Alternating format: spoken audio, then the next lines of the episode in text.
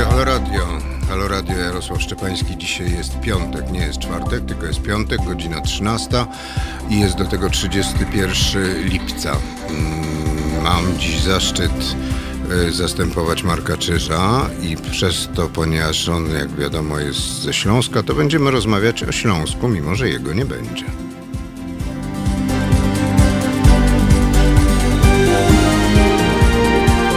Halo Radio.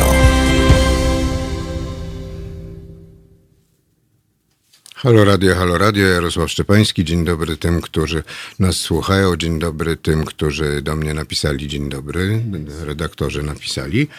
E, przypomnę, że telefon do naszego studia 22 39 059 22 jest on taki. Też jest mail, teraz małpa halo.radio. Mm, jesteśmy na YouTubie, na Facebooku, na Mixloadzie, e, jeszcze na stronie internetowej jesteśmy. Przypomnę, że jesteśmy medium obywatelskim, które żyje tylko i wyłącznie z dobrowolnych wpłat naszych słuchaczy, którzy chcą nas wesprzeć. Będę dzisiaj z okazji, która minęła trzy dni temu, 28 lipca 1920 e, roku, e, Rada e, Ambasadorów podzieliła Śląsk Cieszyński na Śląsk przydzielony Polsce i na Śląsk przydzielony do Czechosłowacji. E, więc nastąpiło wówczas podzielenie tego Śląska. Za chwilę będę o tym rozmawiał z panem, e, z panem Bogdanem Kasperkiem, dyrektorem od Euroregionu Śląsk-Cieszyński. Mam nadzieję, że już będziemy mieli połączenie, ponieważ jest e, pan Bogdan jest w Cieszynie. Mam nadzieję, że będę też rozmawiał z, panem, z panem Danielem Korbelem, który jest wprawdzie ze Śląska, ale pojechał do Pragi i jest, zdaje się, w drodze w drodze do czeskiej Pragi. Mam nadzieję, że dojedzie i że uda nam się połączyć. W drugiej godzinie programu mam nadzieję, że będę mógł porozmawiać e, z gościem, który do nas przyjdzie, panem mecenasem Michałem Wawrykiewiczem z inicjatywy Wolne Sądy, który będzie, z którym porozmawiam o protestach e, wyborczych, e, no ale to za godzinę. Czy mamy pana Bogdana? Dzień dobry. Halo, halo. Dzień dobry panu, dzień dobry pani. Dzień dobry panu, dzień dobry państwu. Witam serdecznie. Bardzo się cieszę, że udało nam się e, połączyć i że jesteśmy, możemy porozmawiać. Jest pan dyrektorem Euroregionu Śląsk-Cieszyński. A może nam pan powiedzieć, co to takiego? Znaczy nie Śląsk-Cieszyński, tylko ten, ten Euroregion. tak, oczywiście, panie redaktorze. E, Euroregion to tak naprawdę nazwa umowy. Umowy, którą w 1998 roku, czyli ładny kawałek czasu już temu, podpisały ze sobą samorządy lokalne Śląska Cieszyńskiego, ale nie tylko, bo i Jastrzębia Zdroju i Godowa i stwierdziły, że razem będą rozwijać współpracę transgraniczną na obszarze głównie właśnie starego, historycznego Księstwa, Księstwa Cieszyńskiego, właśnie chciałem to powiedzieć, że to dokładnie, dokładnie tak jest. Y, teraz 100 y, lat po, 100 lat po, po podziale, który nastąpił w 1920 roku, ten podział znowu nastąpił, bo granica została przywrócona ze względu na y, zarazę panującą, ten COVID. Jak to się, jak to się odbiło na, y, na regionie? Bardzo. No właśnie. To by, oczywiście nie, nie skwituję tego tym jednym słowem. Faktycznie jako instytucja bardzo mocno zaangażowaliśmy się w takie rozluźnianie granicy, tak to jedno z tych ostatnio modnych słów, słówek. Odbiło się najbardziej, myślę, że na na wielu sferach, ale te chyba trzy najbardziej widoczne to relacje gospodarcze. U nas to głównie dotyczyło kwestii czasowego wręcz zakazu pracy przez pracowników transgranicznych. A niech pan jeszcze, niech pan stronie... powie, czy to po prostu tak. granica została przywrócona, to znaczy stanęły na niej straże graniczne, kiedyś e, Wojska Ochrony Pogranicza, teraz to się nazywa Straż Graniczna i po prostu stały, stali żołnierze i blokowali przejście. No, nawet gorzej, o. E, bo to nie wróciła Straż Graniczna, która zabezpieczała raczej to, co było w górach i, i to, co w głębi kraju, natomiast e, mieliśmy czasowo policję, wojska ochrony pogranicznej, e, znaczy wojska obrony mhm. terytorialnej oraz w ogóle mieliśmy żołnierzy zawodowych, e, którzy w groźny sposób z bronią na tej granicy się pojawili. Z tej strony czeskiej trochę to e, nie wyglądało tak poważnie, a co gorsza, no niestety na całym pograniczu polsko-czeskim tak naprawdę otwartych było ostatecznie około 10-11 przejść. E, w Ale na- Śląsku Cieszyńskim otwarte były tylko przejścia w Cieszynie i w, w Chołbkach. No dobrze, ale przejścia były otwarte tylko dla osób, które przechodziły, ale później musiały przejść kwarantannę. Tak, tak, niestety oczywiście tak, natomiast e, de facto z tej granicy korzystali głównie ci, którzy mieli w tym e, interes ekonomiczny, czyli głównie pracownicy, e, a tych jest bardzo dużo, bo z samego Śląska Cieszyńskiego po drugiej stronie granicy, mówię o polskiej stronie Śląska, pracuje po stronie czeskiej 12,5 tysiąca osób. No czyli, czyli, czyli po prostu co, została zawieszona praca i, i po prostu ludzie mm, do, do tej pracy się nie mogli dostać. No niestety, panie redaktorze, przez około miesiąc czasu było dokładnie tak, jak pan powiedział. Oni nie mieli możliwości przekroczenia tej granicy, bo e, bez względu na okoliczności czekała ich kwarantanna z jednej i z drugiej strony granicy. I to był bardzo niedobry okres. Wiele osób straciło pracę w tym czasie. E, Wiele osób e, musiało udać się na mm, zwolnienia L4, no bo to było jedyne wyjście, żeby po prostu e, nie mieć e, czegoś, co nazywamy bumelą albo No tak. enki nieuzasadnionej, no bo on nie był w stanie fizycznie. Część ludzi zdecydowała się na wyjątkowo niedobre dla rodziny na przykład kroki, przeniosła się na ten okres na stronę czeską i mieszkała po drugiej stronie granicy.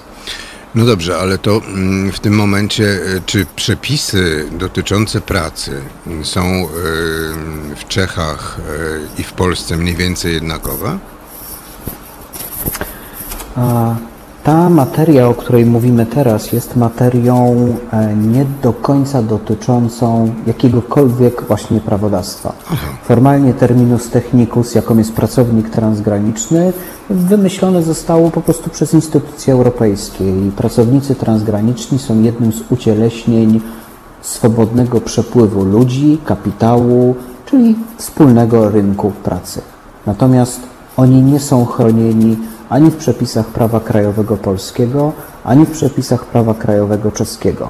Czyli w momencie zamknięcia granicy, z tytułu tego, że pracują po jednej stronie, a mieszkają po drugiej, nie mieli żadnego przywileju. Służby dyplomatyczne mogły przekraczać te granice, pracownicy transgraniczni nie i dlatego tak bardzo, bardzo zaangażowaliśmy się w walkę o to, by mogli po prostu zarabiać, by mogli pracować.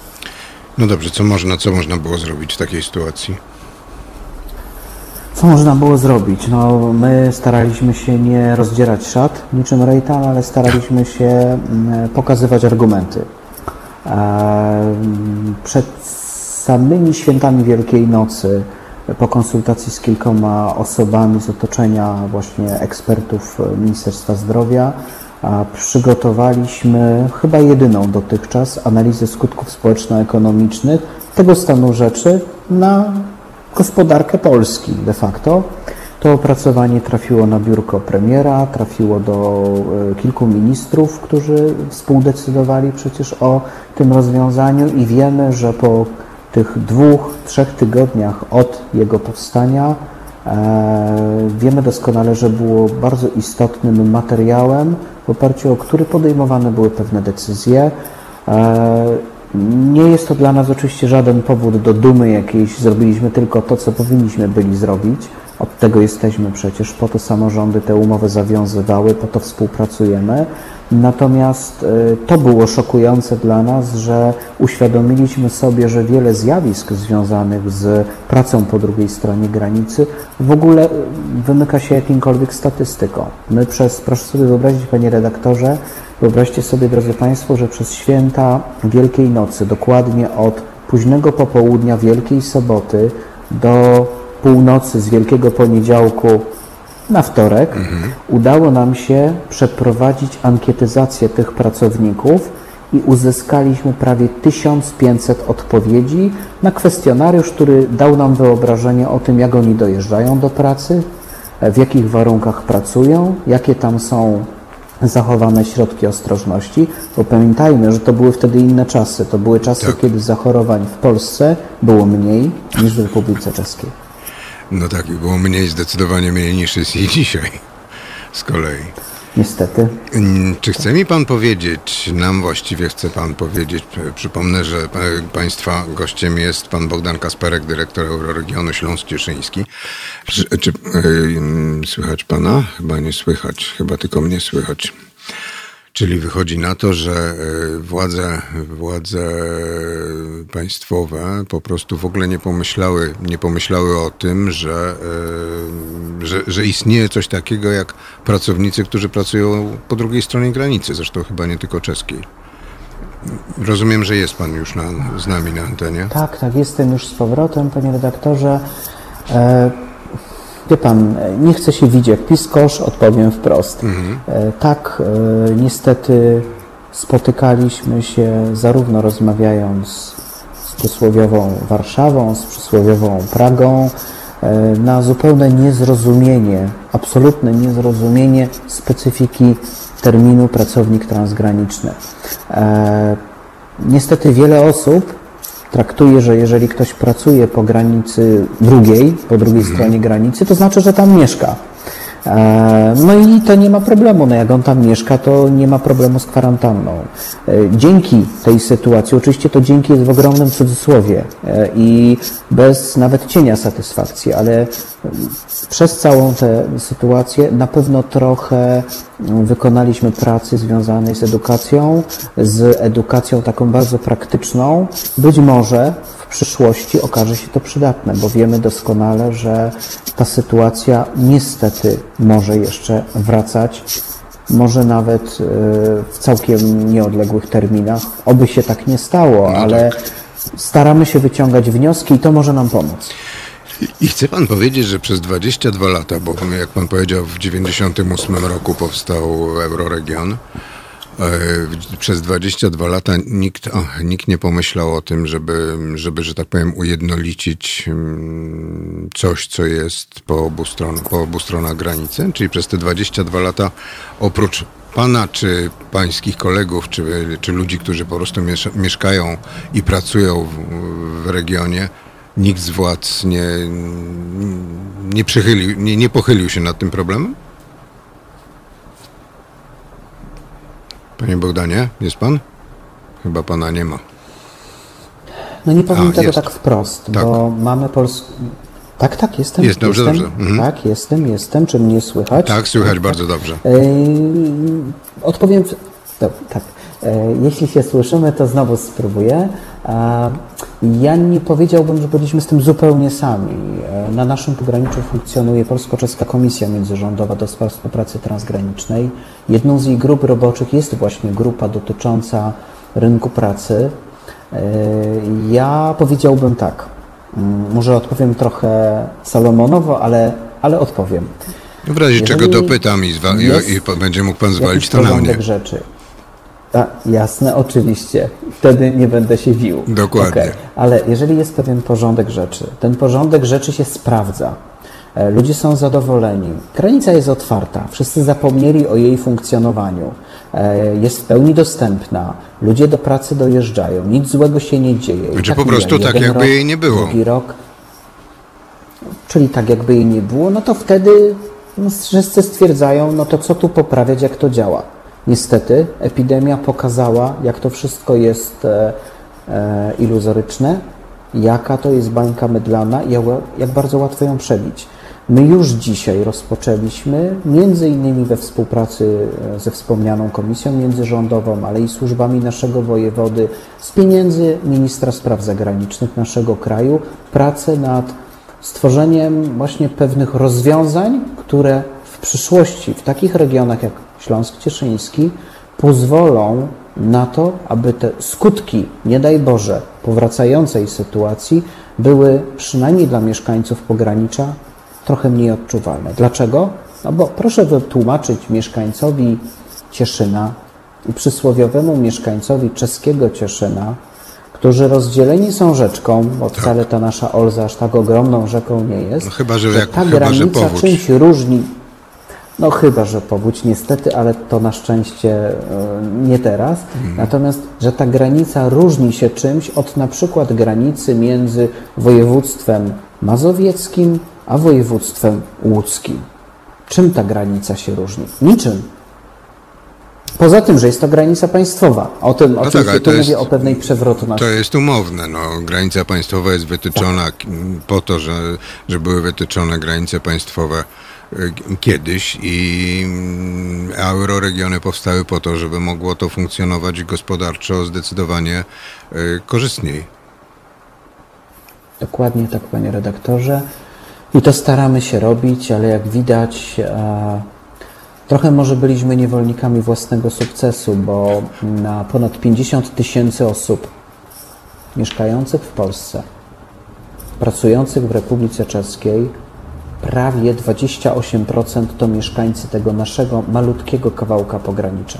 Do tego wszystkiego u nas, dzięki właśnie bardzo wysokiemu poziomowi współpracy, zaczęło dochodzić też do takich sytuacji, których nie ma w innych częściach granicy polsko-czeskiej, że wielu Polaków przeprowadza się na stronę czeską, pracując dalej w Polsce. Czyli mamy. Czyli odwrotnie. Mieliśmy podczas tego zamk- tak, odwro- tak samo są oczywiście Czesi pracujący w Polsce. W naszej instytucji jest jedna Czeszka, która pracuje, a tak samo nie mogła dojeżdżać do pracy w trakcie mm, tego lockdownu granicy.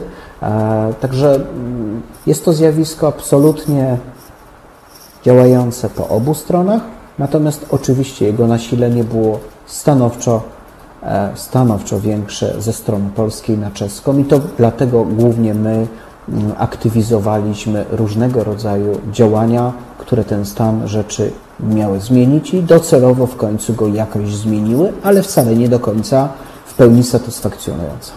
Słuchajcie Państwo Halo Radia, rozmawiamy z panem Bogdanem Kasperkiem, dyrektorem Euroregionu Śląsk-Cieszyński. Rozmawiamy o tym, jak e, został nagle podzielony euroregion, którym jest e, region Śląska Cieszyńskiego, no, nazwijmy to dawnego Księstwa Cieszyńskiego. Został podzielony na pół przez, e, znaczy nie wiem czy na pół, na jakieś dwie części poprzez COVID, który nam właściwie no, podzielone zostało przez władze państwowe, a mm, które wy, mm, zrobiły to z powodu, jak twierdziły, COVID-u. Y, Proponuję teraz chwilę przerwy. Crane Eurosmith. y, Posłuchajmy. Słuchajcie powtórki programu.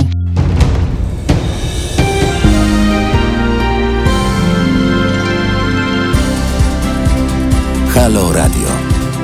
Pierwsze radio z wizją.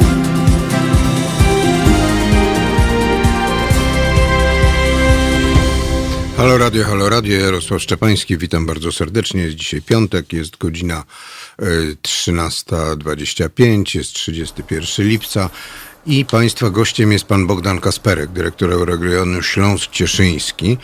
Y, Słyszymy się? Sądzę, że tak. Tak, oczywiście słyszymy się. Dzień dobry ponownie. Mm, Czy mógłby Pan powiedzieć, jak wygląda współpraca taka transgraniczna, mm, regionalna w innych, między innymi regionami w innych krajach, bo zapewne Pan ma dobre rozeznanie, czy ma, ma Pan dobre rozeznanie, jak to wygląda gdzie indziej, gdzieś na pograniczu niemiecko-francuskim, czy francusko-hiszpańskim, czy jakimkolwiek innym. No tak, mamy rozeznanie, to prawda, bo już od prawie że 19 lat współpracujemy dość aktywnie ze, z pograniczem francusko-niemieckim, dokładnie z tym pograniczem alzacko-badeńsko-wittemberskim. Mamy tam kilku partnerów podobnych do nas, e, partnerów, którzy realizują przedsięwzięcia, na których my się wzorujemy, którymi się inspirujemy. Oczywiście współpracujemy też z innymi granicami w Europie w ramach pewnej międzynarodowej sieci TEIN, której w zasadzie jesteśmy jednym z dwóch przedstawicieli z naszego kraju. I z tą współpracą jest bardzo różnie. Powiem może tak, że mm, rewitalizację ogrodu, to jest taki projekt pod nazwą Ogród Dwóch Brzegów, rewitalizacja nabrzeży Olzy właśnie w Cieszynie, w czeskim Cieszynie. Podejrzeliśmy na nabrzeżach Renu między Strasburgiem a Kelem. E, Ale kiedy na przykład nasi koledzy z granicy irlandzko-irlandzko-północnej e, byli e, w zeszłym roku na Śląsku Cieszyńskim, bo myśmy się od nich chcieli, od nich, od kolegów z pogranicza francusko-hiszpańskiego na przykład, mhm. uczyć tego, jak oni sobie radzą z trudną historią, bo, bo tak regiony dobieraliśmy, to oni nam zadali pytanie, czego wy się od nas chcecie uczyć, jak to chyba my do was powinniśmy przyjeżdżać po nauki. Więc podkreślam, z tą współpracą jest różnie. Ona jest zazwyczaj dostosowana do warunków, konkretnych warunków, konkretnego miejsca. I jeszcze wszyscy mają bardzo dużo do zrobienia, a epidemia COVID-19 na wszystkich granicach pokazała, jak wiele jest do zrobienia i jak to wszystko jest naprawdę ulotne. Dość powiedzieć, że pogranicze francusko-niemieckie otwarte zostało jeszcze później niż zostało otwarte pogranicze polsko-czeskie. Czyli też tam była sytuacja zbliżona do, na, do naszej, że ludzie nie mogli iść ani do pracy, ani do Mm, ani po prostu na drugą stronę granicy? E, tak, niestety tak. E, przy czym o tyle lepiej sobie z tym poradzili, że ta grupa ludzi, którzy byli wyłączeni z pewnego kłopotu, tak jak wspomniałem u nas na przykład służby dyplomatyczne, była trochę większa. Tam też dochodziło do takich sytuacji, że kiedy Francuzi w Alzacji nie radzili sobie z obsługą chorych na COVID-19, to mimo zamkniętej granicy tych chorych przyjmowały szpitale w Niemczech. Co niestety, obawiam się, na pograniczach naszego kraju chyba byłoby jeszcze niemożliwe. Podejrzewam, że podejrzewam, że mogliby mm, nasi mieszkańcy chcieć się leczyć bardziej w Czechach niż czescy mm, obywatele leczyć się po polskiej stronie. Jakoś tak. Ma pan redaktor prawdę, absolutną rację w tym, że to, to jest takie zjawisko bardziej jednostronne, ale też już zdarzają się e, przypadki odwrotne. Myślę jednak, że nie o tym mamy rozmawiać, to nie no będę tego wątku ciągnął, ale jest to temat na pewno na rozmowę. Dobrze, niech pan będzie uprzejmy jeszcze powiedzieć o y, Transkarpatice, serii, którą pan wydaje. A... Tak, no Transkarpatika to jest jedna z naszych pozycji wydawniczych takich stałych. Wydajemy ją, to jest seria naukowa, wydajemy ją z Komisją do Spraw Stosunków Polsko-Czeskich i Polsko-Słowackich Polskiej Akademii Nauk. Zazwyczaj poświęcona jest jakiemuś bardzo, hmm, może nie wysublimowanemu, ale na pewno bardzo niszowemu tematowi dotyczącemu relacji bądź polsko-czeskich, bądź polsko-słowackich, czesko-słowackich. E, natomiast ostatni z tomów akurat dotyczył kwestii tożsamości Śląska Cieszyńskiego, tym w jaki sposób ona jest postrzegana przez Polaków i jak postrzegana jest przez Czechów, bo to są dwa zupełnie inne poglądy.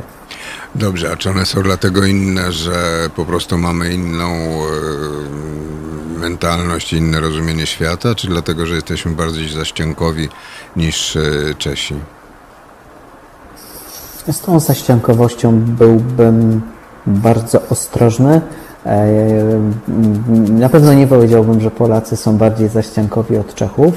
To raz. Dwa.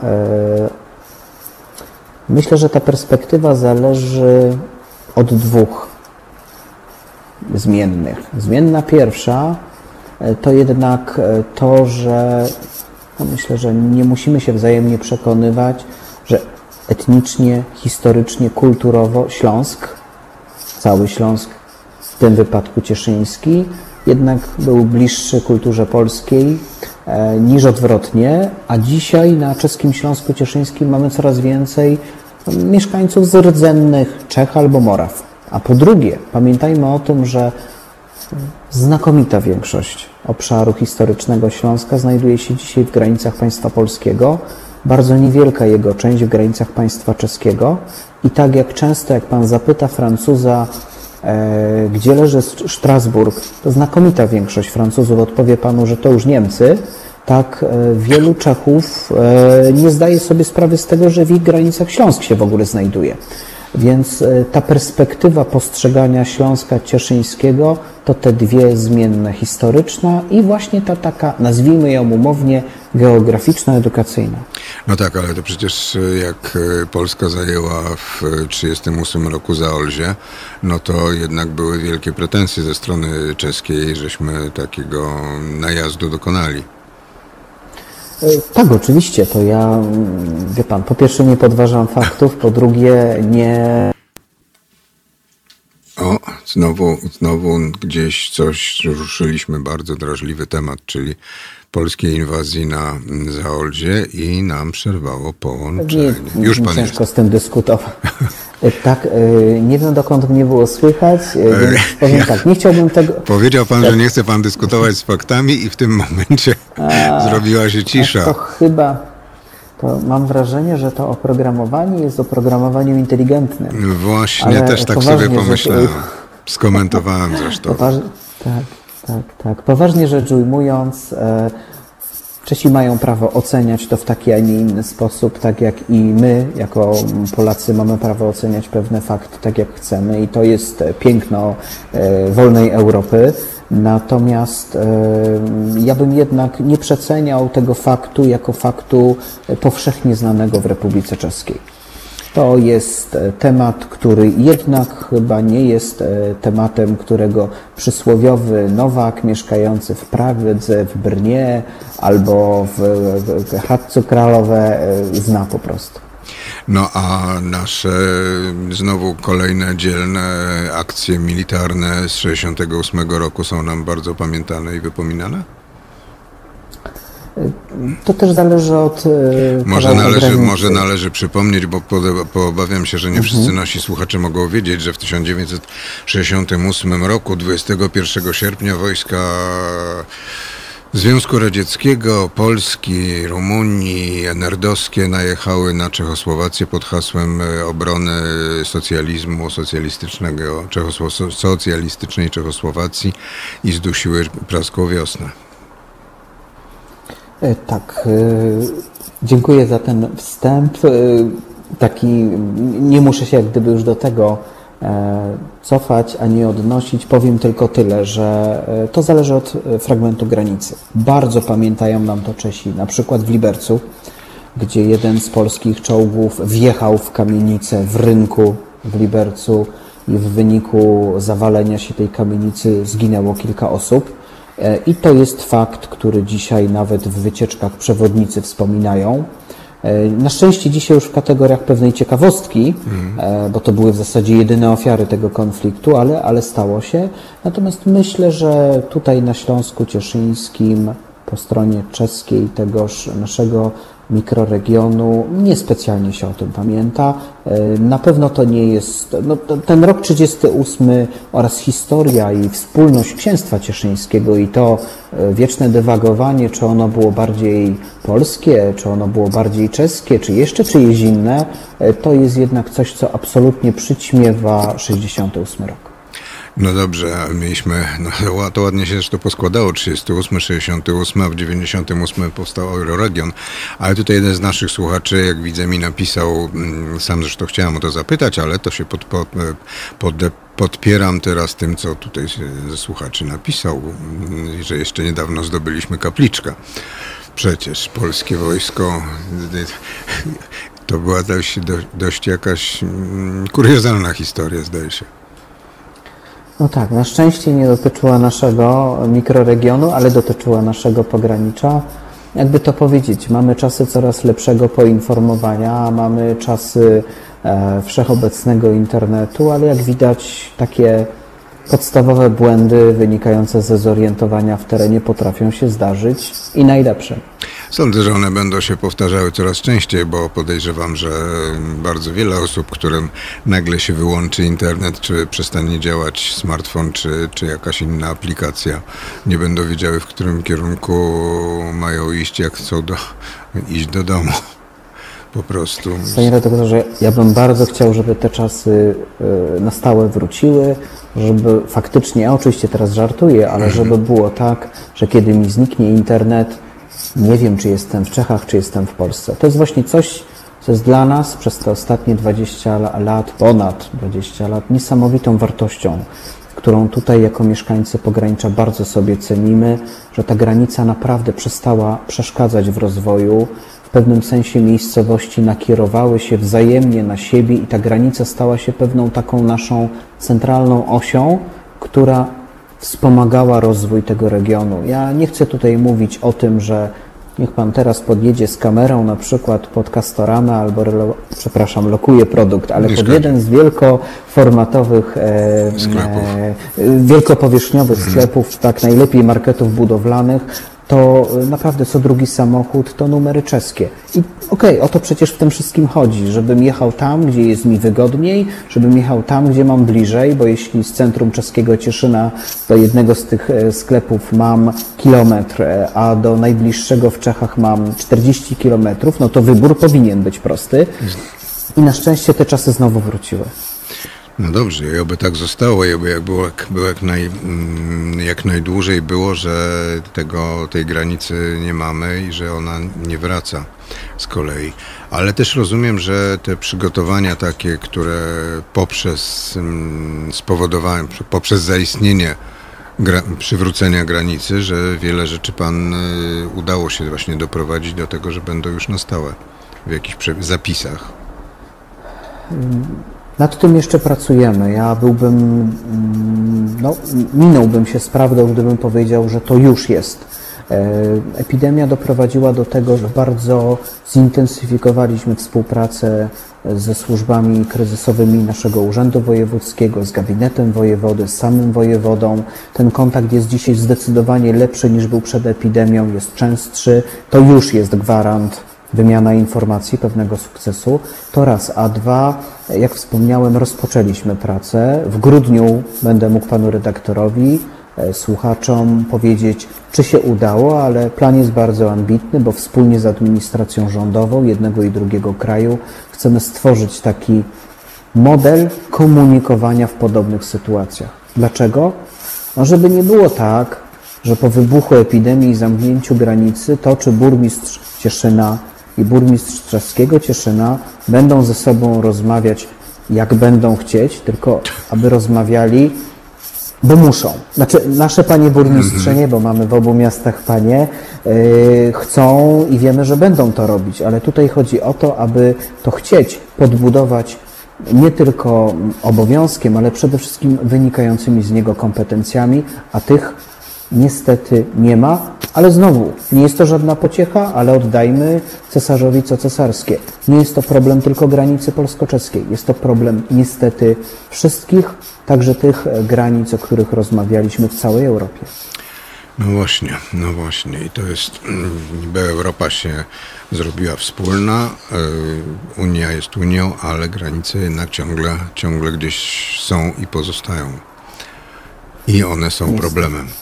Państwa gościem był pan Bogdan Kasperek. Dziękuję bardzo za rozmowę. Dyrektor Euroregionu Śląsk-Cieszyński. Przy- Zapisuję sobie w kajeciku y, i w grudniu postaram się wrócić do, jak będzie pan już miał pozamykane formalne tematy, to postaram się wrócić do rozmowy i żebyśmy o tym jeszcze porozmawiali. Dziękuję bardzo za rozmowę. Bardzo I dziękuję. teraz- Oczywiście jestem do dyspozycji. Renegades Ambassadors. To jest powtórka programu.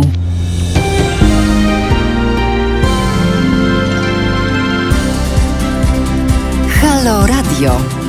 Pierwsze radio z wizją.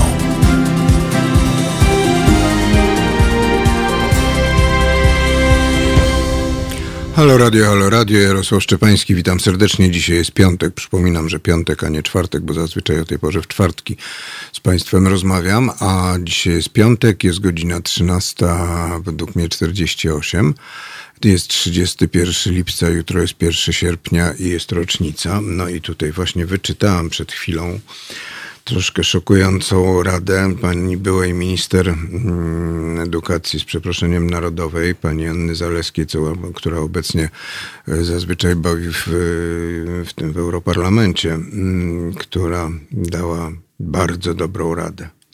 Na Twitterze napisała, że czekając na konferencję MENU Ministerstwa Edukacji Narodowej dotyczącą, dotyczącej bezpiecznego powrotu dzieci do szkół, Powiedziała, napisała, że sprawdzajmy, czy w szkołach jest ciepła woda i mydło. Szanowni rodzice, pamiętajcie, że właścicielami budynków są z reguły samorządy.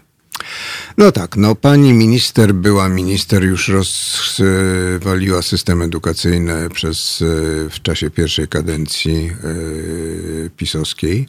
Rozwaliła go skutecznie, bo zlikwidowała, jak państwo zapewne pamiętacie, zlikwidowała gimnazja i z dnia na dzień, czyli inaczej mówiąc, oszukała, oszukała e, dziesiątki, setki, tysiące młodych ludzi, którzy wiedzieli, że kończą szóstą klasę, potem idą na trzy lata do, do gimnazjum, a potem idą na trzy lata do liceów. Się okazało, że ani dudo, bo ci, co skończyli szóstą klasę, to szli do następnej, siódmej w tej samej szkole. Gimnazja zniknęły, no a kosztami praktycznie zostały obciążone samorządy. No teraz się okazuje, że jeszcze nie tyle kosztami mydła te samorządy będą obciążone, ale po prostu, że one będą odpowiadały za to, co wymyśli Ministerstwo Edukacji Narodowej, a poza tym zawsze, jak to mówi pan minister Edukacji Narodowej, nazwiska nie pamiętam w tej chwili, e, że najważniejsza jest decyzja dyrektorów, czyli dyrektor będzie odpowiadał za to. No, teoretycznie jest to zgodne z logiką, że dyrektor odpowiada za to, co się dzieje na fabryce, czy na zakładzie, czy w szkole, ale w tym momencie, czy dyrektor ma kompetencje do tego, czy zdąży je uzyskać w ciągu paru tygodni, żeby wiedzieć, czy wirus, czy dziecko przychodzi z wirusem, czy bez wirusa, czy szkoła jest bardziej podatna na to, żeby żeby mieć, e, żeby mieć zagrożenie u siebie i żeby te dzieci w jakiś sposób chronić. A pamiętać trzeba jeszcze o tym, że trzeba chronić nie tyle dzieci, no dzieci też rzecz jasna, ale również nauczycieli, którzy są podatni na to. Wydaje mi się, że udało nam się połączyć. Mamy telefon gościa, słucham. Y, halo, dzień dobry. Dzień dobry, witam serdecznie. Y, panie redaktorze, chciałbym y, małe sprostowanie umieścić, bo no. usłyszałem taką dosyć szokującą informację podczas poprzedniej rozmowy z panem dyrektorem Euroregionu. Tak. Mm, Nie wiem, czy nas Mianowicie słucha. Chodzi, mhm. chodzi, mi, chodzi mi o to, co nazwaliście panowie, czy, czy pan redaktor nazwał inwazją Polski na Zaolzie w 1938 roku. E, no ja to, ja tak, to tak nazwałem. Mhm. No właśnie. E, w historii, e, zwłaszcza kiedy mamy do czynienia z takimi odległymi dziejami, może nie warto wartościować i tutaj kontekst 1938 roku jest ewidentnie niekorzystny dla Polski. Natomiast. No nie przysporzyło, trzeba... nie przysporzyło nam wtedy tak, to. Tak, tak, tak, tak, ale chciałem o innym kontekście powiedzieć. Tak. Akurat mniej więcej w tych dniach obchodzimy stulecie tamtych wydarzeń. No tak, ja o tym Mianowicie właśnie dlatego mówię. W 1920 Aha. roku e, Czesi, wykorzystując e, ówczesną sytuację Rzeczpospolitej, a była to e, bardzo poważna e, wojna z e, bolszewikami, e, zerwali wszelkie wcześniejsze porozumienia z Rzeczpospolitą, zawarte zresztą pod patronatem Rady Ambasadorów. Tak. I wkroczyli na terytorium i wkroczyli na terytorium Rzeczpospolitej, dochodząc aż do linii Wisły, zajmując między innymi Skoczów. Eee, I no i e, wydarzenia z 1938 roku, znaczy przede wszystkim nie, nie, nie, nie można ich nazywać inwazją. E, należy w tym kontekście brać pod uwagę. Wie pan, to e... zawsze tutaj mogę, ma, oczywiście może ma, ma, pan swoje, swoje zdanie i swoją rację, natomiast wydaje mi się, że jeżeli ktoś wkracza na czyjeś terytorium, to jednak to jest inwazja. Przynajmniej tak jest. Tak, tak to... Okej, okay, okej, okay, tylko że w 1920 roku a jak nazwałby pan to, co się wydarzyło w 1920 roku? No, to dojście czeskich wojsk do linii Wisły. No, to też była inwazja. Każda, każde wkroczenie no, no, wojsk na obce terytorium w 1968 też była to inwazja. należałoby również ten kontekst zapamiętać. Jeszcze jest jeden smaczek związany z tymi wydarzeniami w 1920 roku, e, bo e, Czesi wtedy no, mocno osłabioną Rzeczpospolitą szantażowali E, ewentualnym nieprzepuszczeniem e, transportów z bronią e, z zachodniej Europy, wymuszając na, na, na Polsce wtedy jakby zatwierdzenie tych, tych zmian przesunięcia granicy mm. polsko-czeskiej, z czego zresztą Czesi się nie wywiązali, bo faktycznie tych transportów w rezultacie nie przepuścili. Więc taki kontekst wydaje mi się dość istotny. Zwłaszcza, że tak jak powiedziałem, akurat y, obchodzimy mniej więcej stulecie tych wydarzeń, bo to się mniej więcej. No w dniach 28 działo. lipca była setna rocznica podziału Śląsko-Cieszyńskiego przez Radę Ambasadorów. No to właśnie, no to właśnie, właśnie dokładnie, dokładnie 100 lat temu się to wszystko działo. No to tyle. Dziękuję serdecznie. Dziękuję bardzo. Widzę, że pan jest biegły w, biegły w historii mm, No, stosunków po prostu e, polsko-czeskich. y, prawie wychowałem, prawie, prawie wychowałem się na Śląsku Cieszyńskim i, i stąd ta wiedza. Mm. E, warto o tym pamiętać. I, I znaczy, tak jak powiedziałem, no, wydarzeń w 1938 roku, e, no, wydarzenia w 1938 roku e, należy oczywiście w, pewnym kontekście związanym e, z Hitlerem e, e, brać pod uwagę. Jednak no, bez przesady z tym samobiczowaniem. No, po prostu to, co się wydarzyło w 1938 Y, to było jak najbardziej, to, to był jak najbardziej, może inaczej. Chciałem użyć słowa sprawiedliwy, ale to był powrót No do właśnie. sytuacji z 1920, z tego co ustalono w porozumieniu y, pod patronatem Rady Ambasadorów między rządem czeskim a polskim. No absolutnie, znaczy tak, no, pytanie jest, czy to się, czy to tak nazywać, czy inaczej nazywać, natomiast na pewno, y, na pewno jest to y, skomplikowane, y, cała, cała, całość dzielenia tych, tych kawałków i dzielenia granicy i dzielenia różnych miejsc, zwłaszcza regionów tego przygranicznych, No, które ale kiedyś faktem jest, były... ale faktem jest, że całe Zaolzie było zdecydowanie, już nie pamiętam danych statystycznych, ale to są wielkości rzędu 70-80% y, było polskie. Więc y, gdyby Znaczy nie tyle do pol, plebiscytu, znaczy polskie w sensie zamieszkałe przez etnicznym, ludność etnicznym, w tak? sensie Mhm. etnicznym, tak, tak, tak. Więc gdyby doszło do plebiscytu, a wtedy przed 1920 rokiem, rok, e, przed 1920 rokiem była mowa o, o plebiscycie, Była, była. na co Czesi się nie chcieli zgodzić, no rozstrzygnięcia byłyby zgoła inne. Także mówienie o inwazji w 1938 roku bez tego kontekstu jest, jest, tak jak powiedziałem, takim samobiczowaniem się, więc bez przesady. No. To ja zapraszam Nie pana na, tak źle. zapraszam pana na, e, nie, nie dzisiaj, bo już dzisiaj mi się nie uda, ale miałem zamiar porozmawiać z panem Janem Szkwarnakiem i Danielem Korbelem, historykami, którzy zajmują się historią mm, stosunków polsko-czeskich. E, i na pewno wrócę do tego, wrócę do tego wątku i tego tematu, także proszę, proszę nas e, Nasłuchiwać. słuchać, nasłuchiwać i proszę o nas pamiętać i bardzo dziękuję Okej. za, e, dziękuję za uwagę, ale rozumiem, że do, mm, do 68 roku nie ma pan e, zastrzeżeń. To znaczy do mojej oceny No to już zupełnie bratniej, inna bajka. bratniej pomocy. Zupełnie inna bajka. Tak, tak, pamiętam, że Ale z drugiej, z drugiej strony, z drugiej strony, no, no cóż miał biedny Gomułka zrobić, no, czy Jaruzelski.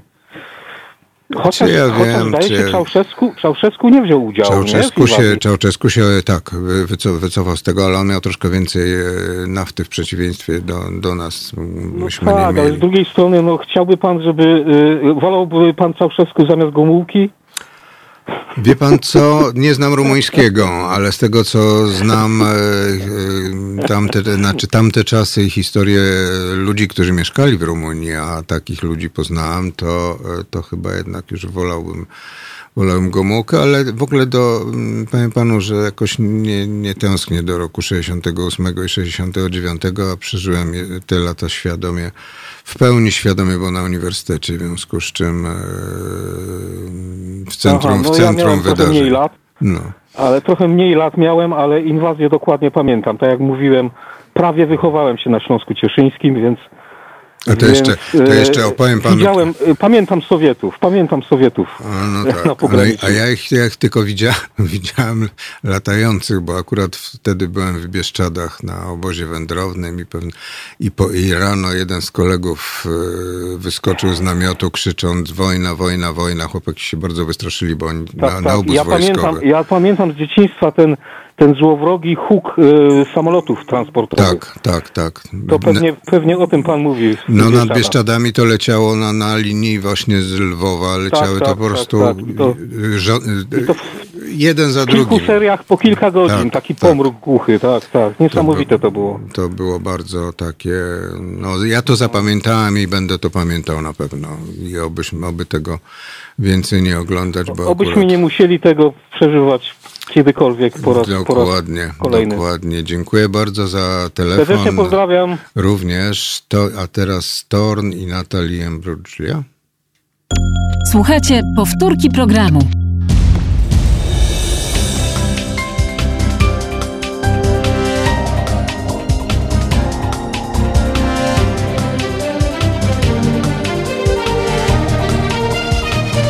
Halo Radio.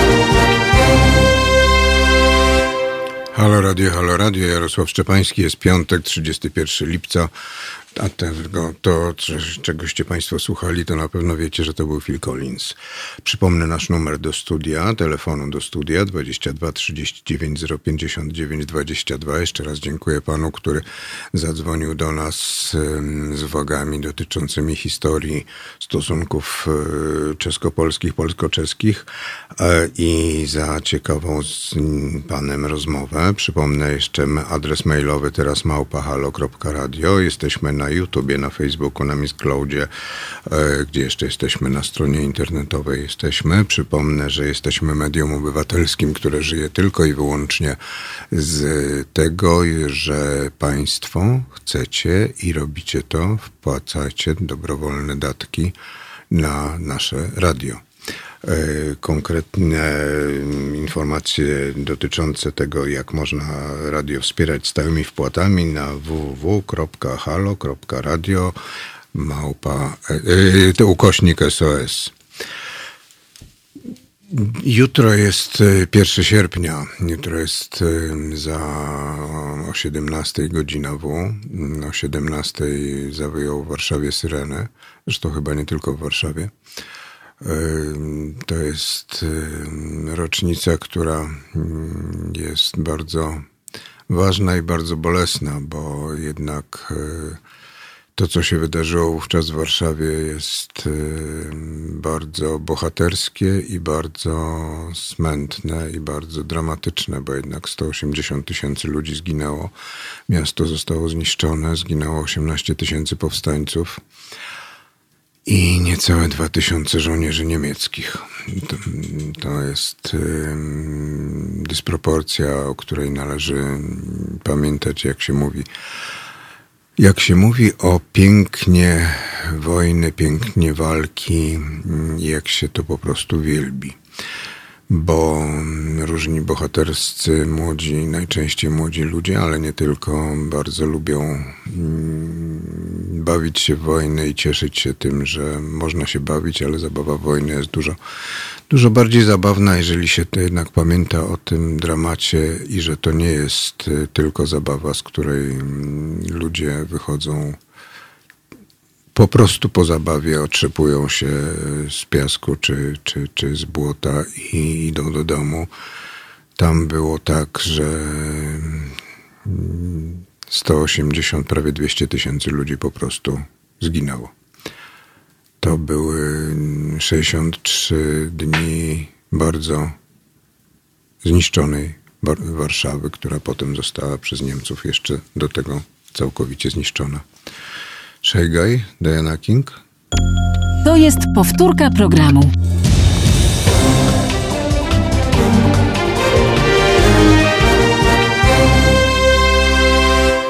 A teraz niespodzianka, Halo Radio, Halo Radio, witam Państwa bardzo serdecznie, Jarosław Szczepański, Państwa gościem jest Pan Michał Wawrykiewicz, mecenas Michał Wawrykiewicz.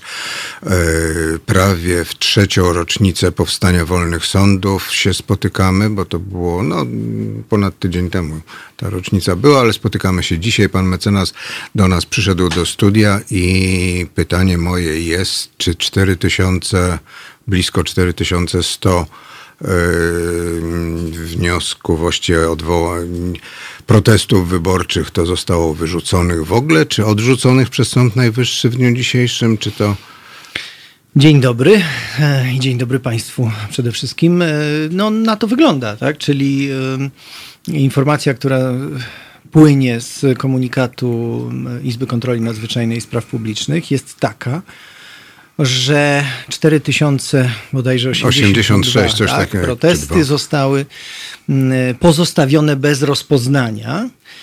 No, czyli tak jakby nie zostały e, w ogóle uwzględnione, jakby w ogóle nie zostały rozpoznane, czyli Czyli nie dostaną odpowiedzi adresaci. nie dostaną odpowiedzi e, i nie zostaną one w żaden sposób uwzględnione przy ocenie ważności wyborów. To jest o tyle istotne, że mm, z dwóch względów. Po pierwsze, dlatego, że to uzasadnienie, które się pojawiło ze strony Izby Kontroli Nadzwyczajnej, bo ja nie będę używał e, określenia ze strony Sądu Najwyższego. Dla mnie mm, no, ta Izba nie spełnia e, absolutnie... No nie pozwolił mi pan zadać pytania. To, to, o tym później będziemy mówić, bo, bo w tych wnioskach też się, zaj- Mhm. w tych, tych protestach wyborczych znajdowały się wnioski o wyłączenie. To, to możemy zostawić na później, ale najpierw co zakomunikowano nam, obywatelom? Po pierwsze, że te protesty składane według pewnego wzoru, czy różnych wzorów, e, które, które były dostępne w różnych miejscach, w mediach społecznościowych przede wszystkim. Te protesty e, według Izby Kontroli Nadzwyczajnej nie zawierały, mm, nie spełniały formalnych przesłanek, których muszą spełniać protesty wyborcze, czyli że nie zawierały podstawy prawnej tego, nie wskazywały tego naruszenia mm, kodeksu wyborczego, które musi być wskazane, aby protest mógł być uznany za prawidłowo sformułowany. No, tymczasem nie jest to prawda absolutnie, dlatego że w protestach wyborczych, tych, w tych e, wzorach, które były dostępne, w proteście, który ja również złożyłem i e, cała nasza czwórka z inicjatywy Wolne Szo- Sądy, były wskazane bardzo konkretnie e, artykuły kodeksu wyborczego, które zostały naruszone, których, e, m, no, których naruszenie miało w naszej ocenie wpływ na wynik wyborów, no bo to przede wszystkim jest kwestia artykułu 287 kodeksu wyborczego, czyli tych przymiotników, tych czterech przymiotników wyborczych, które muszą być spełnione, a przede wszystkim równości wyborów. No my twierdzimy, że wybory nie były równe, chociażby ze względu na to, że nierówny dostęp do mediów publicznych mieli, mieli obaj kandydaci. Wiemy doskonale, no to tego nie trzeba prawie że udowadniać, że Znaczy oglądałem wiadomości przez mm, ileś tygodni, ponieważ uczestniczyłem w przygotowywaniu raportu Towarzystwa Dziennikarskiego na temat em, obiektywizmu wiadomości, innych programów informacyjnych też. W związku z czym mogę o tym też poopowiadać. No właśnie, więc e, nie było tego równego dostępu, e, jeśli chodzi o kandydatów. e, Nie startowali na równych warunkach e, do tych wyborów, no bo wiemy, że media publiczne muszą się zachowywać w sposób obiektywny. To wynika z ustawy i, i taki jest, e, taki jest i, ich rola. A prezes y, telewizji sam zresztą poniekąd to przyznał, że tej równości, y, jeśli chodzi o telewizję publiczną, nie było, no Ale bo jak on jest twierdzi, prezesem. pełniącym obowiązki INSPE.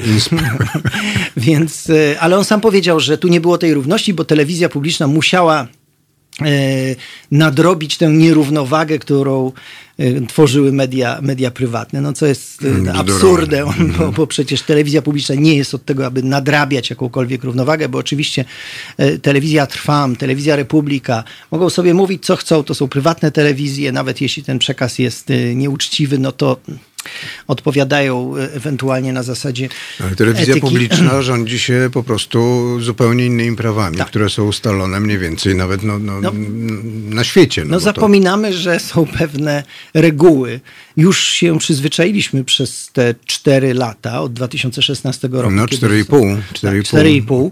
Przyzwyczailiśmy się do tego, że po prostu ta telewizja w żaden sposób nie jest e, obiektywna, i, ale to, co wyprawiano w czasie kampanii wyborczej, no to już przechodziło wszelkie, m, wszelkie wyobrażenia. I tutaj mamy kolejne naruszenia, bo to są naruszenia do kodeksu wyborczego, już bardzo konkretnie wskazane w, w tych protestach wyborczych, czyli na przykład czas na promocję kandydatów, który jest bardzo ściśle określony e, w kodeksie wyborczym. Każdy musi, musi mieć taki sam czas. W tej drugiej turze ewidentnie ten czas, e, który miał Andrzej Duda w mediach publicznych, doliczany był musi zostać doliczony do tego czasu, który, e, który mają komitety wyborcze na tak. prezentację swoich kandydatów. No bo przecież to, co się Nie działo... mówiąc o kosztach. E, Koszty to jest kolejny artykuł, tak? czyli to jest kolejne naruszenie, które, bo to jest naruszenie tej dyscypliny finansów e, wyborczych, bo pieniądze na kampanię wyborczą w określonych limitach mogą prze, y, mogą przekazywać wyłącznie komitety wyborcze. Tymczasem mieliśmy za pieniądze publiczne, no wiemy o tych dwóch miliardach, które w tym roku zostały przekazane, za pieniądze publiczne były No produkowane spoty, spoty wyborcze, bo widzieliśmy przecież w wiadomościach materiały, których nie można nazwać informacyjnymi. No to już w takim koreańskim stylu propaganda To uprawiana nawet była. nie propaganda, bo niektóre materiały były po prostu takimi bardzo słabymi spotami wyborczymi kandydata No Dudy. tak, przy muzyce takiej bardzo e, sugestywnej, przy zwolnionym tempie, no tak nie produkuje się materiałów informacyjnych, tak się produkuje materiały wyborcze, więc tutaj jest kolejne naruszenie. E, Po Polsce jeździli e, no, przedstawiciele rządu, premier, ministrowie, rozdawali te takie tekturowe czeki bez pokrycia e, na realizację wypłat z funduszu, który jeszcze nie istnieje, czy z funduszy, które jeszcze nie istnieją, więc też jakieś promesy zupełnie bez pokrycia i w ślad za tym szła no, bardzo nachalna propaganda y, y, obecnego prezydenta y, jako kandydata. Więc I jeszcze do tego było, zazwyczaj było tak, że oprócz tego, że mówiono mm, bardzo dobrze o kandydacie Dudzie, to mówiono w przeciwieństwie do kandydata elit warszawskich, czy tam elit jakiś, który będzie rozdawał pieniądze jakimś obcym, które pieniądze, które odbierze gminom. Różne takie cały czas negatywne kontra pozytywny Duda i kontra do negatywna. Oczywiście. No, e, materiały o, o Trzaskowskim były wyłącznie negatywne. Wyłącznie. Wszystkie wiece wyborcze Andrzeja Dudy były transmitowane przez TVP Info. Ani jeden nie był transmitowany. No to już pokazuje skalę tych naruszeń. I, to, I teraz, jeśli Izba Kontroli Nadzwyczajnej chciałaby się mienić sądem e, i chciałaby poważnie podejść do protestów wyborczych, no bo jednak 6 tysięcy protestów wyborczych to, to robi wrażenie. To jest jakiś, to jest jakiś głos obywateli niezgody na to, co się działo i y, przynajmniej bardzo duże podejrzenie, że wybory były przeprowadzane w sposób nieuczciwy, y, nie zapewniający takiego demokratycznego wyboru, którym dawałby mandat prezydentowi do tego, żeby mógł Dostępu do równej informacji. Absolutnie. Czy równego I, dostępu do informacji. I teraz, jeśli sąd, y, w cudzysłowie Sąd Najwyższy, Izba Kontroli Nadzwyczajnej i Spraw Publicznych, y, pozostawia takie protesty bez rozpoznania, no to jest to, powiem, bardzo duża doza arogancji, bo no, to jest tak naprawdę pokazanie obywatelom Gestu Lichockiej. Tak możemy to określić, y, że no, zupełnie ich y, głos, merytoryczne argumenty, bo powtarzam, to nie jest, jak zresztą tu w tym uzasadnieniu Izba Kontroli Nadzwyczajnej pisze o tym, że tak naprawdę to jest kontestacja wyniku wyborów przez obywateli, czyli że obywatele, którzy głosowali na innego kandydata, nie zgadzają się z demokratycznym wyborem. No to nie jest prawda, dlatego że te protesty bardzo precyzyjnie określają, które przepisy kodeksu wyborczego zostały naruszone, które przepisy konstytucji zostały naruszone i jaki to miało wpływ.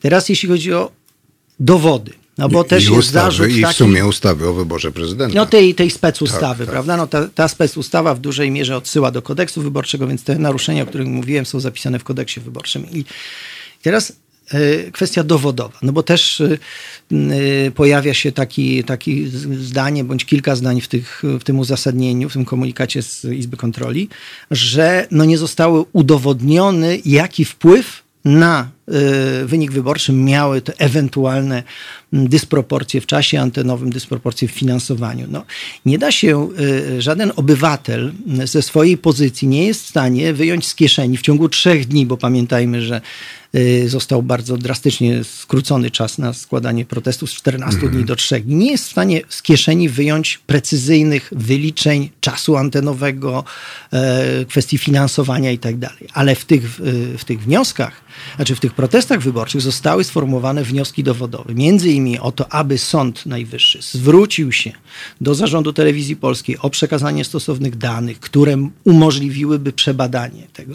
Więc nawet gdyby ta Izba Kontroli Nadzwyczajnej chciała w sposób taki fasadowy dokonać e, analizy, Oceny, analizy, mhm. i udawać przed nami, społeczeństwem, że jest niezależna i bezstronna, no to przynajmniej spróbowałaby przeprowadzić postępowanie dowodowe, ściągnęłaby dane bardzo szybko, zarówno z, y, y, od zarządu telewizji, jak i z kancelarii premiera, bo tam też były wnioski o ściągnięcie danych z kancelarii premiera, jakie przełożenie tych kwot, czy te kwoty zostały wydatkowane, czy nie, z jakiego funduszu, czy jakie były wyniki wyborów w poszczególnych w poszczególnych tych regionach, do których głównie je, jeździł premier i ministrowie, bo jeździli na Lubelszczyznę, do, na Podkarpacie e, i na Podlasie głównie i tam obiecywali te pieniądze.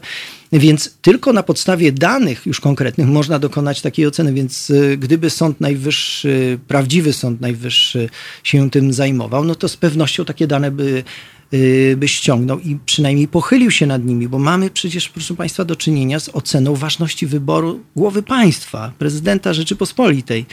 Nie można y, przechodzić do porządku dziennego nad, nad, nad tak poważnymi zarzutami i po prostu powiedzieć, pozostawiamy je bez rozpoznania, bo to jest, tak jak Pan powiedział, gest lichocki. Może to dlatego, że y, po prostu brakuje czasu na, do zaprzysiężenia prezydenta.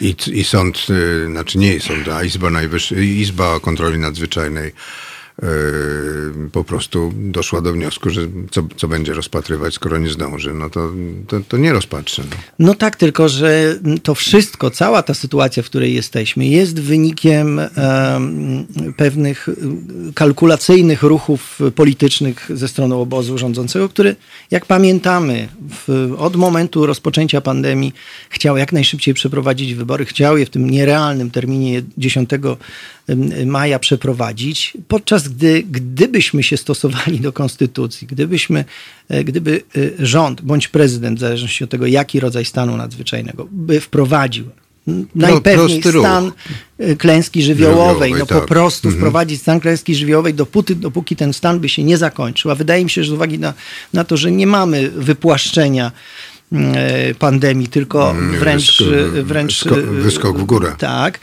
To pewnie ten stan klęski żywiołowej nadal by się nie zakończył. A zgodnie z konstytucją wybory nie mogą być przeprowadzone w trakcie stanu nadzwyczajnego, I a mogą miesiące i trzy później. miesiące potem. Więc zakończyłby się ten stan klęski żywiołowej wtedy, kiedy by się zakończył, powiedzmy na jesieni, nie wiem. Wtedy, kiedy by A przesłanki ku temu. się? A nie byłoby tak, że się nie zakończy? No, kiedyś musiałby się zakończyć. No. Ym, Nawet jeśli miałby trwać, powiedzmy, do, do, do, przyszłego, do przyszłej wiosny. Ale y, gdybyśmy się stosowali, gdyby rząd miał Tak. dobre intencje, stosował się do konstytucji, to nie mielibyśmy w tym zwariowanym okresie wyborów i nie mielibyśmy takich sytuacji. Tyle tylko, że tu nikt nie chciał się stosować do zapisów konstytucyjnych, tylko chciał jak najszybciej dokonać, przyklepać ten wybór Andrzeja Dudy na kolejną kadencję.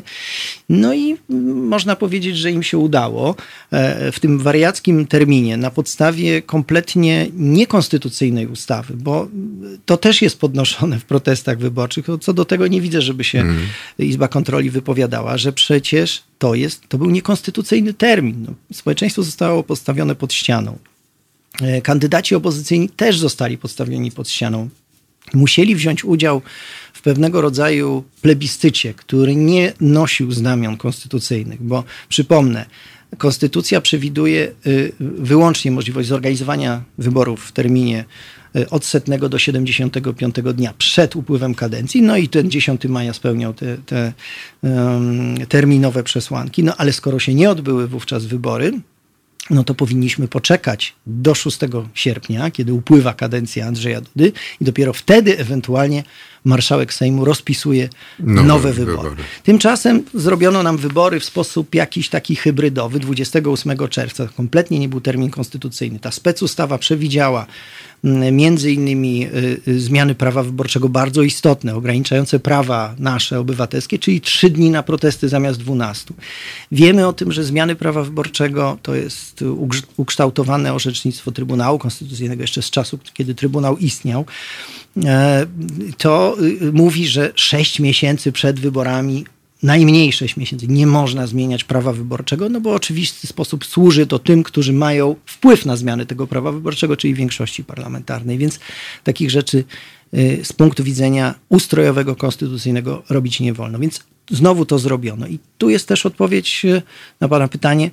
Y, dlaczego tak się dzieje, że teraz nagle Izba Kontroli musi w jakimś ekspresowym tempie y, y, rozpatrzyć taką liczbę protestów. Jak No, widać, nie rozpatrzy. nie rozpatrzy, dlatego że po prostu nie chce, nie ma dobrych intencji, nawet nie próbuje udawać. Nie próbuje udawać, że się interesuje tymi protestami, no bo skoro cztery, ponad 4 tysiące protestów pozostawia się bez rozpoznania, no to jest trochę jakby się No tym dwie właśnie trzecie. obywatelom Dwie trzecie ze prawda? złożonych. ze złożonych. Więc e, mm, no jak mówię, Sąd Najwyższy, taki normalnie działający, jak przez 30 lat rozpoznawał, rozpatrywał protesty wyborcze i stwierdzał ważność różnych wyborów, wszystkich, które się odbywały, no podszedłby do tego z pełną powagą. Nawet gdyby uznał na samym końcu, rozpoznając wnioski, naruszenia i dowody, że nie miało to wpływu na wynik wyborów, no to okej, to taka jest wola Sądu Najwyższego. E, On o tym decyduje i jeśli jest niezależny i bezstronny, to ma absolutnie do tego prawo. Ja nie przesądzam, nie rozstrzygam, że te protesty, że te zarzuty finalnie miałyby wpływ na wynik wyborów. Ja uważam osobiście, subiektywne moje zdanie jest takie, że mogło mieć to wpływ na wynik wyborów z racji tego, że różnica 400 tysięcy głosów to tak. naprawdę jest 200 tysięcy głosów, no bo gdyby jeden z kandydatów miał mniej, mniej o 200 tysięcy głosów, to, byłoby, drugi, byłaby tak. równość, prawda? Więc to jest taka liczba na 30 milionów wyborców, nad którą warto się pochylić i z pewnością w każdym demokratycznym państwie prawnym na świecie, przy standardach takich zachodnich, yy, no tutaj byłaby walka bardzo, no, no, sąd jest zobligowany do tego. No to jest wielkie zadanie i wielka waga, która spoczywa na, na barkach takiego sądu, no żeby nie oszukać obywateli, żeby powiedzieć, czy te wybory były uczciwe, czy nie. No tu nie mogliśmy na to liczyć, zresztą wracamy do, do kwestii Tego, Sądu. czym jest sąd, tak. Tak. Przypomnę, Państwa gościem jest pan mecenas Michał Wawrykiewicz z inicjatywy Wolne Sądy. Rozmawiamy o protestach wyborczych e, i moje pytanie jest e, krótkie. Czy pan e, obecnie mm, elekt, znaczy nie, no jeszcze pełniący obowiązek, znaczy pe- jeszcze prezydent i prezydent elekt będzie przysięgał na konstytucję znowu? No, na pewno tak i zrobi to z y, pełną Uśmiechem. celebrą i uśmiechem. Y, Być może nawet gdzieś tam w głębi swojej duszy wierzy, że on tej konstytucji służy. Natomiast no, tu musiałby być już daleko posunięty jakiś relatywizm, który by. No ale to jego profesor zdaje się od doktoratu, jego promotor doktoratu. Znaczy, Tak, pan profesor Zimmerman, tak. Duże zastrzeżenia. No, nie tylko on, właściwie tak naprawdę cały prawniczy świat. Nie ma co do tego wątpliwości, nie tylko polski, Izby, ale i światowy. oprócz Izby yy, kontroli nadzwyczajnej, Izby Dyscyplinarnej i jeszcze no, tych akolitów, prawników, którzy tak naprawdę w sposób bardzo koniunkturalny podeszli do, do swoich karier w ciągu ostatnich kilku lat i, i, i dali się zaprzedać yy, no, swojej promocji za, zawodowej, yy, społecznej w zamian za no, utratę ideałów, jakie prawnikom powinny przyświecać, czyli ochronie prawa przede wszystkim, ochronie e, wartości podstawowych, które są zapisane w Konstytucji. Pamiętajmy, że na Prawo i Sprawiedliwość właśnie plus yy, przystawki, niech się może Ziobro obraża, ale to są przystawki, yy, głosowało w ubiegłorocznych wyborach 8 milionów ludzi, na głosujących 18 milionów, a 30 milionów, ponad 30 milionów uprawnionych. Czyli dzieląc, mnożąc te 8 milionów, to jest 27% mniej więcej. I teraz jesteśmy w sytuacji takiej, że 27% y, wyborców da, robi po prostu, y, znaczy wybrani przez 27% wyborców robią co chcą.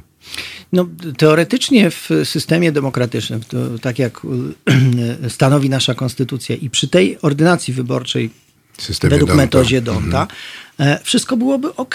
Nikt nie mógłby mieć jakichkolwiek wątpliwości, gdyby ten rząd, który reprezentuje 25% powiedzmy społeczeństwa, a wcześniej, 4 lata wcześniej w 2015 reprezentował 18 bodajże i pół procenta, Y, Jeśli ma większość w parlamencie, ma prawo zmieniać ustawy, ma prawo kreować swoją politykę w różnych y, nie ma przestrzeniach, prawa ale nie ma prawa z, naruszać konstytucji. No właśnie. Czyli musi się poruszać w ramach standardów konstytucyjnych i musi się poruszać w ramach standardów europejskich, czyli musi przestrzegać również traktatów europejskich, no oraz konwencji i umów międzynarodowych, których, których jesteśmy stroną.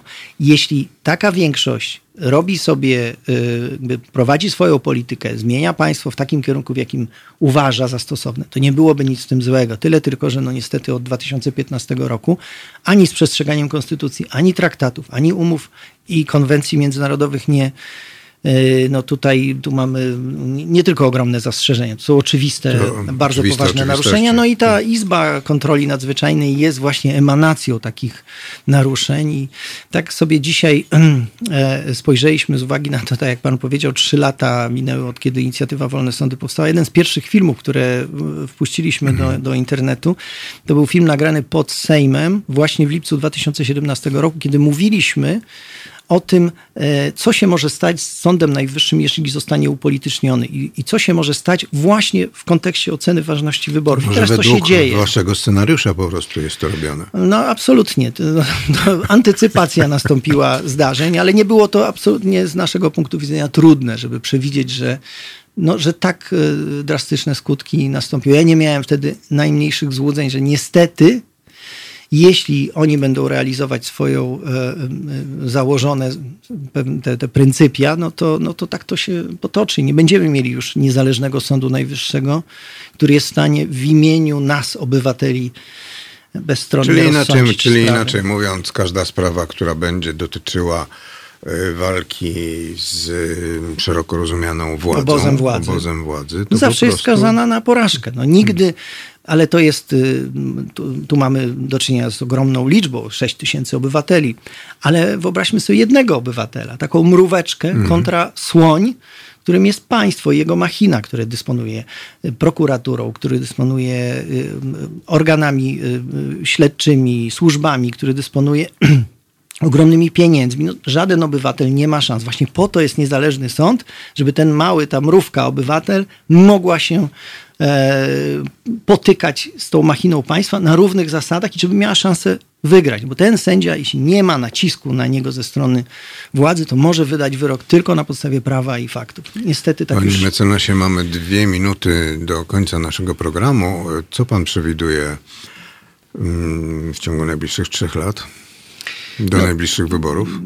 Jeśli one będą. No ja myślę, że y, obóz rządzący będzie dążył do przeprowadzenia em, legislacyjnie tych zmian, które, na którym im zależy, czyli doprowadzenia do końca już y, zniszczenia niezależności sądownictwa. To się ma nazywać spłaszczenie struktury sądów, a to tak naprawdę wiązać się będzie z czystką w sądach. Czyli wyrzucić wszystkich tych sędziów, którzy mają odwagę, mają siłę wewnętrzną, moralną i niezawisłość w sobie, żeby orzekać w taki sposób, jak, jak zobowiązali się do tego w przysiędze sędziowskiej. Tych sędziów się będzie władza chciała pozbyć, usunąć ich. Co będzie z mediami? Myślę, że tutaj w zależności od tego, czy drogą legislacyjną, czy drogą nieformalną, poprzez próbę ograniczenia, czy wykupu kapitału, czy ograniczenia możliwości reklamowych i tak dalej, też będzie starała się władza wpłynąć na to, żeby, żeby media prywatne, niezależne nie przeszkadzały jej w tym kreowaniu pewnej e, idei. No ale e, spójrzmy też na, na stronę pozytywną. E, Wydaje mi się, że Unia Europejska wysyła bardzo jasne sygnały. To się e, wydarzyło na szczycie w Brukseli e, i to się wydarzyło teraz. e, Komunikat pani komisarz Heleny Dali, komisarz do spraw równości, że pieniądze nie popłyną, Nie popłyną. tam, gdzie są strefy wolne od LGBT, czyli tam, gdzie jest naruszane fundamentalne prawo Unii Europejskiej, prawo do równości, pluralizmu, tolerancji i poszanowania mniejszości. Sygnał od szefowej mm, komisji jest również taki.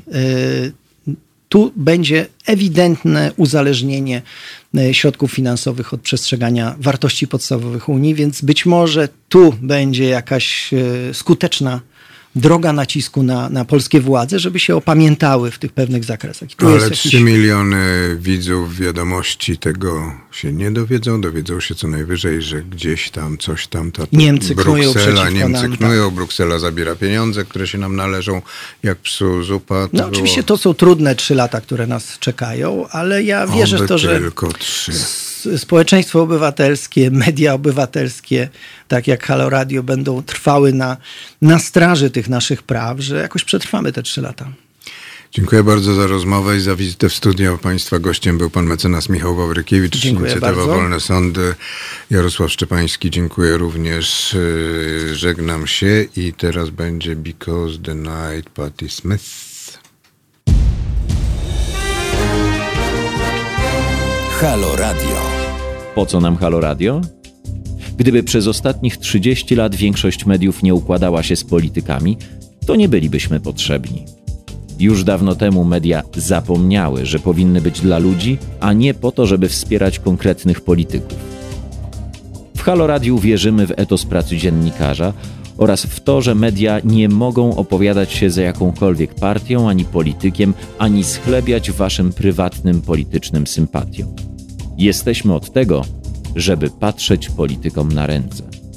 Każde odpowiedzialne medium powinno mówić o politykach wyłącznie wtedy, gdy sprzeniewierzają się zasadom współżycia społecznego, prawom obywatelskim czy demokracji.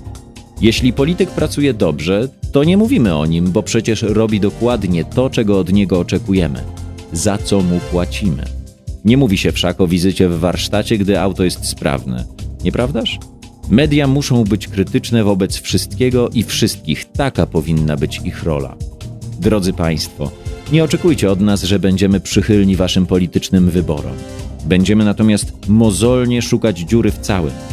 Po 30 latach polityczno-medialnego bagna to właśnie chcemy robić i robimy.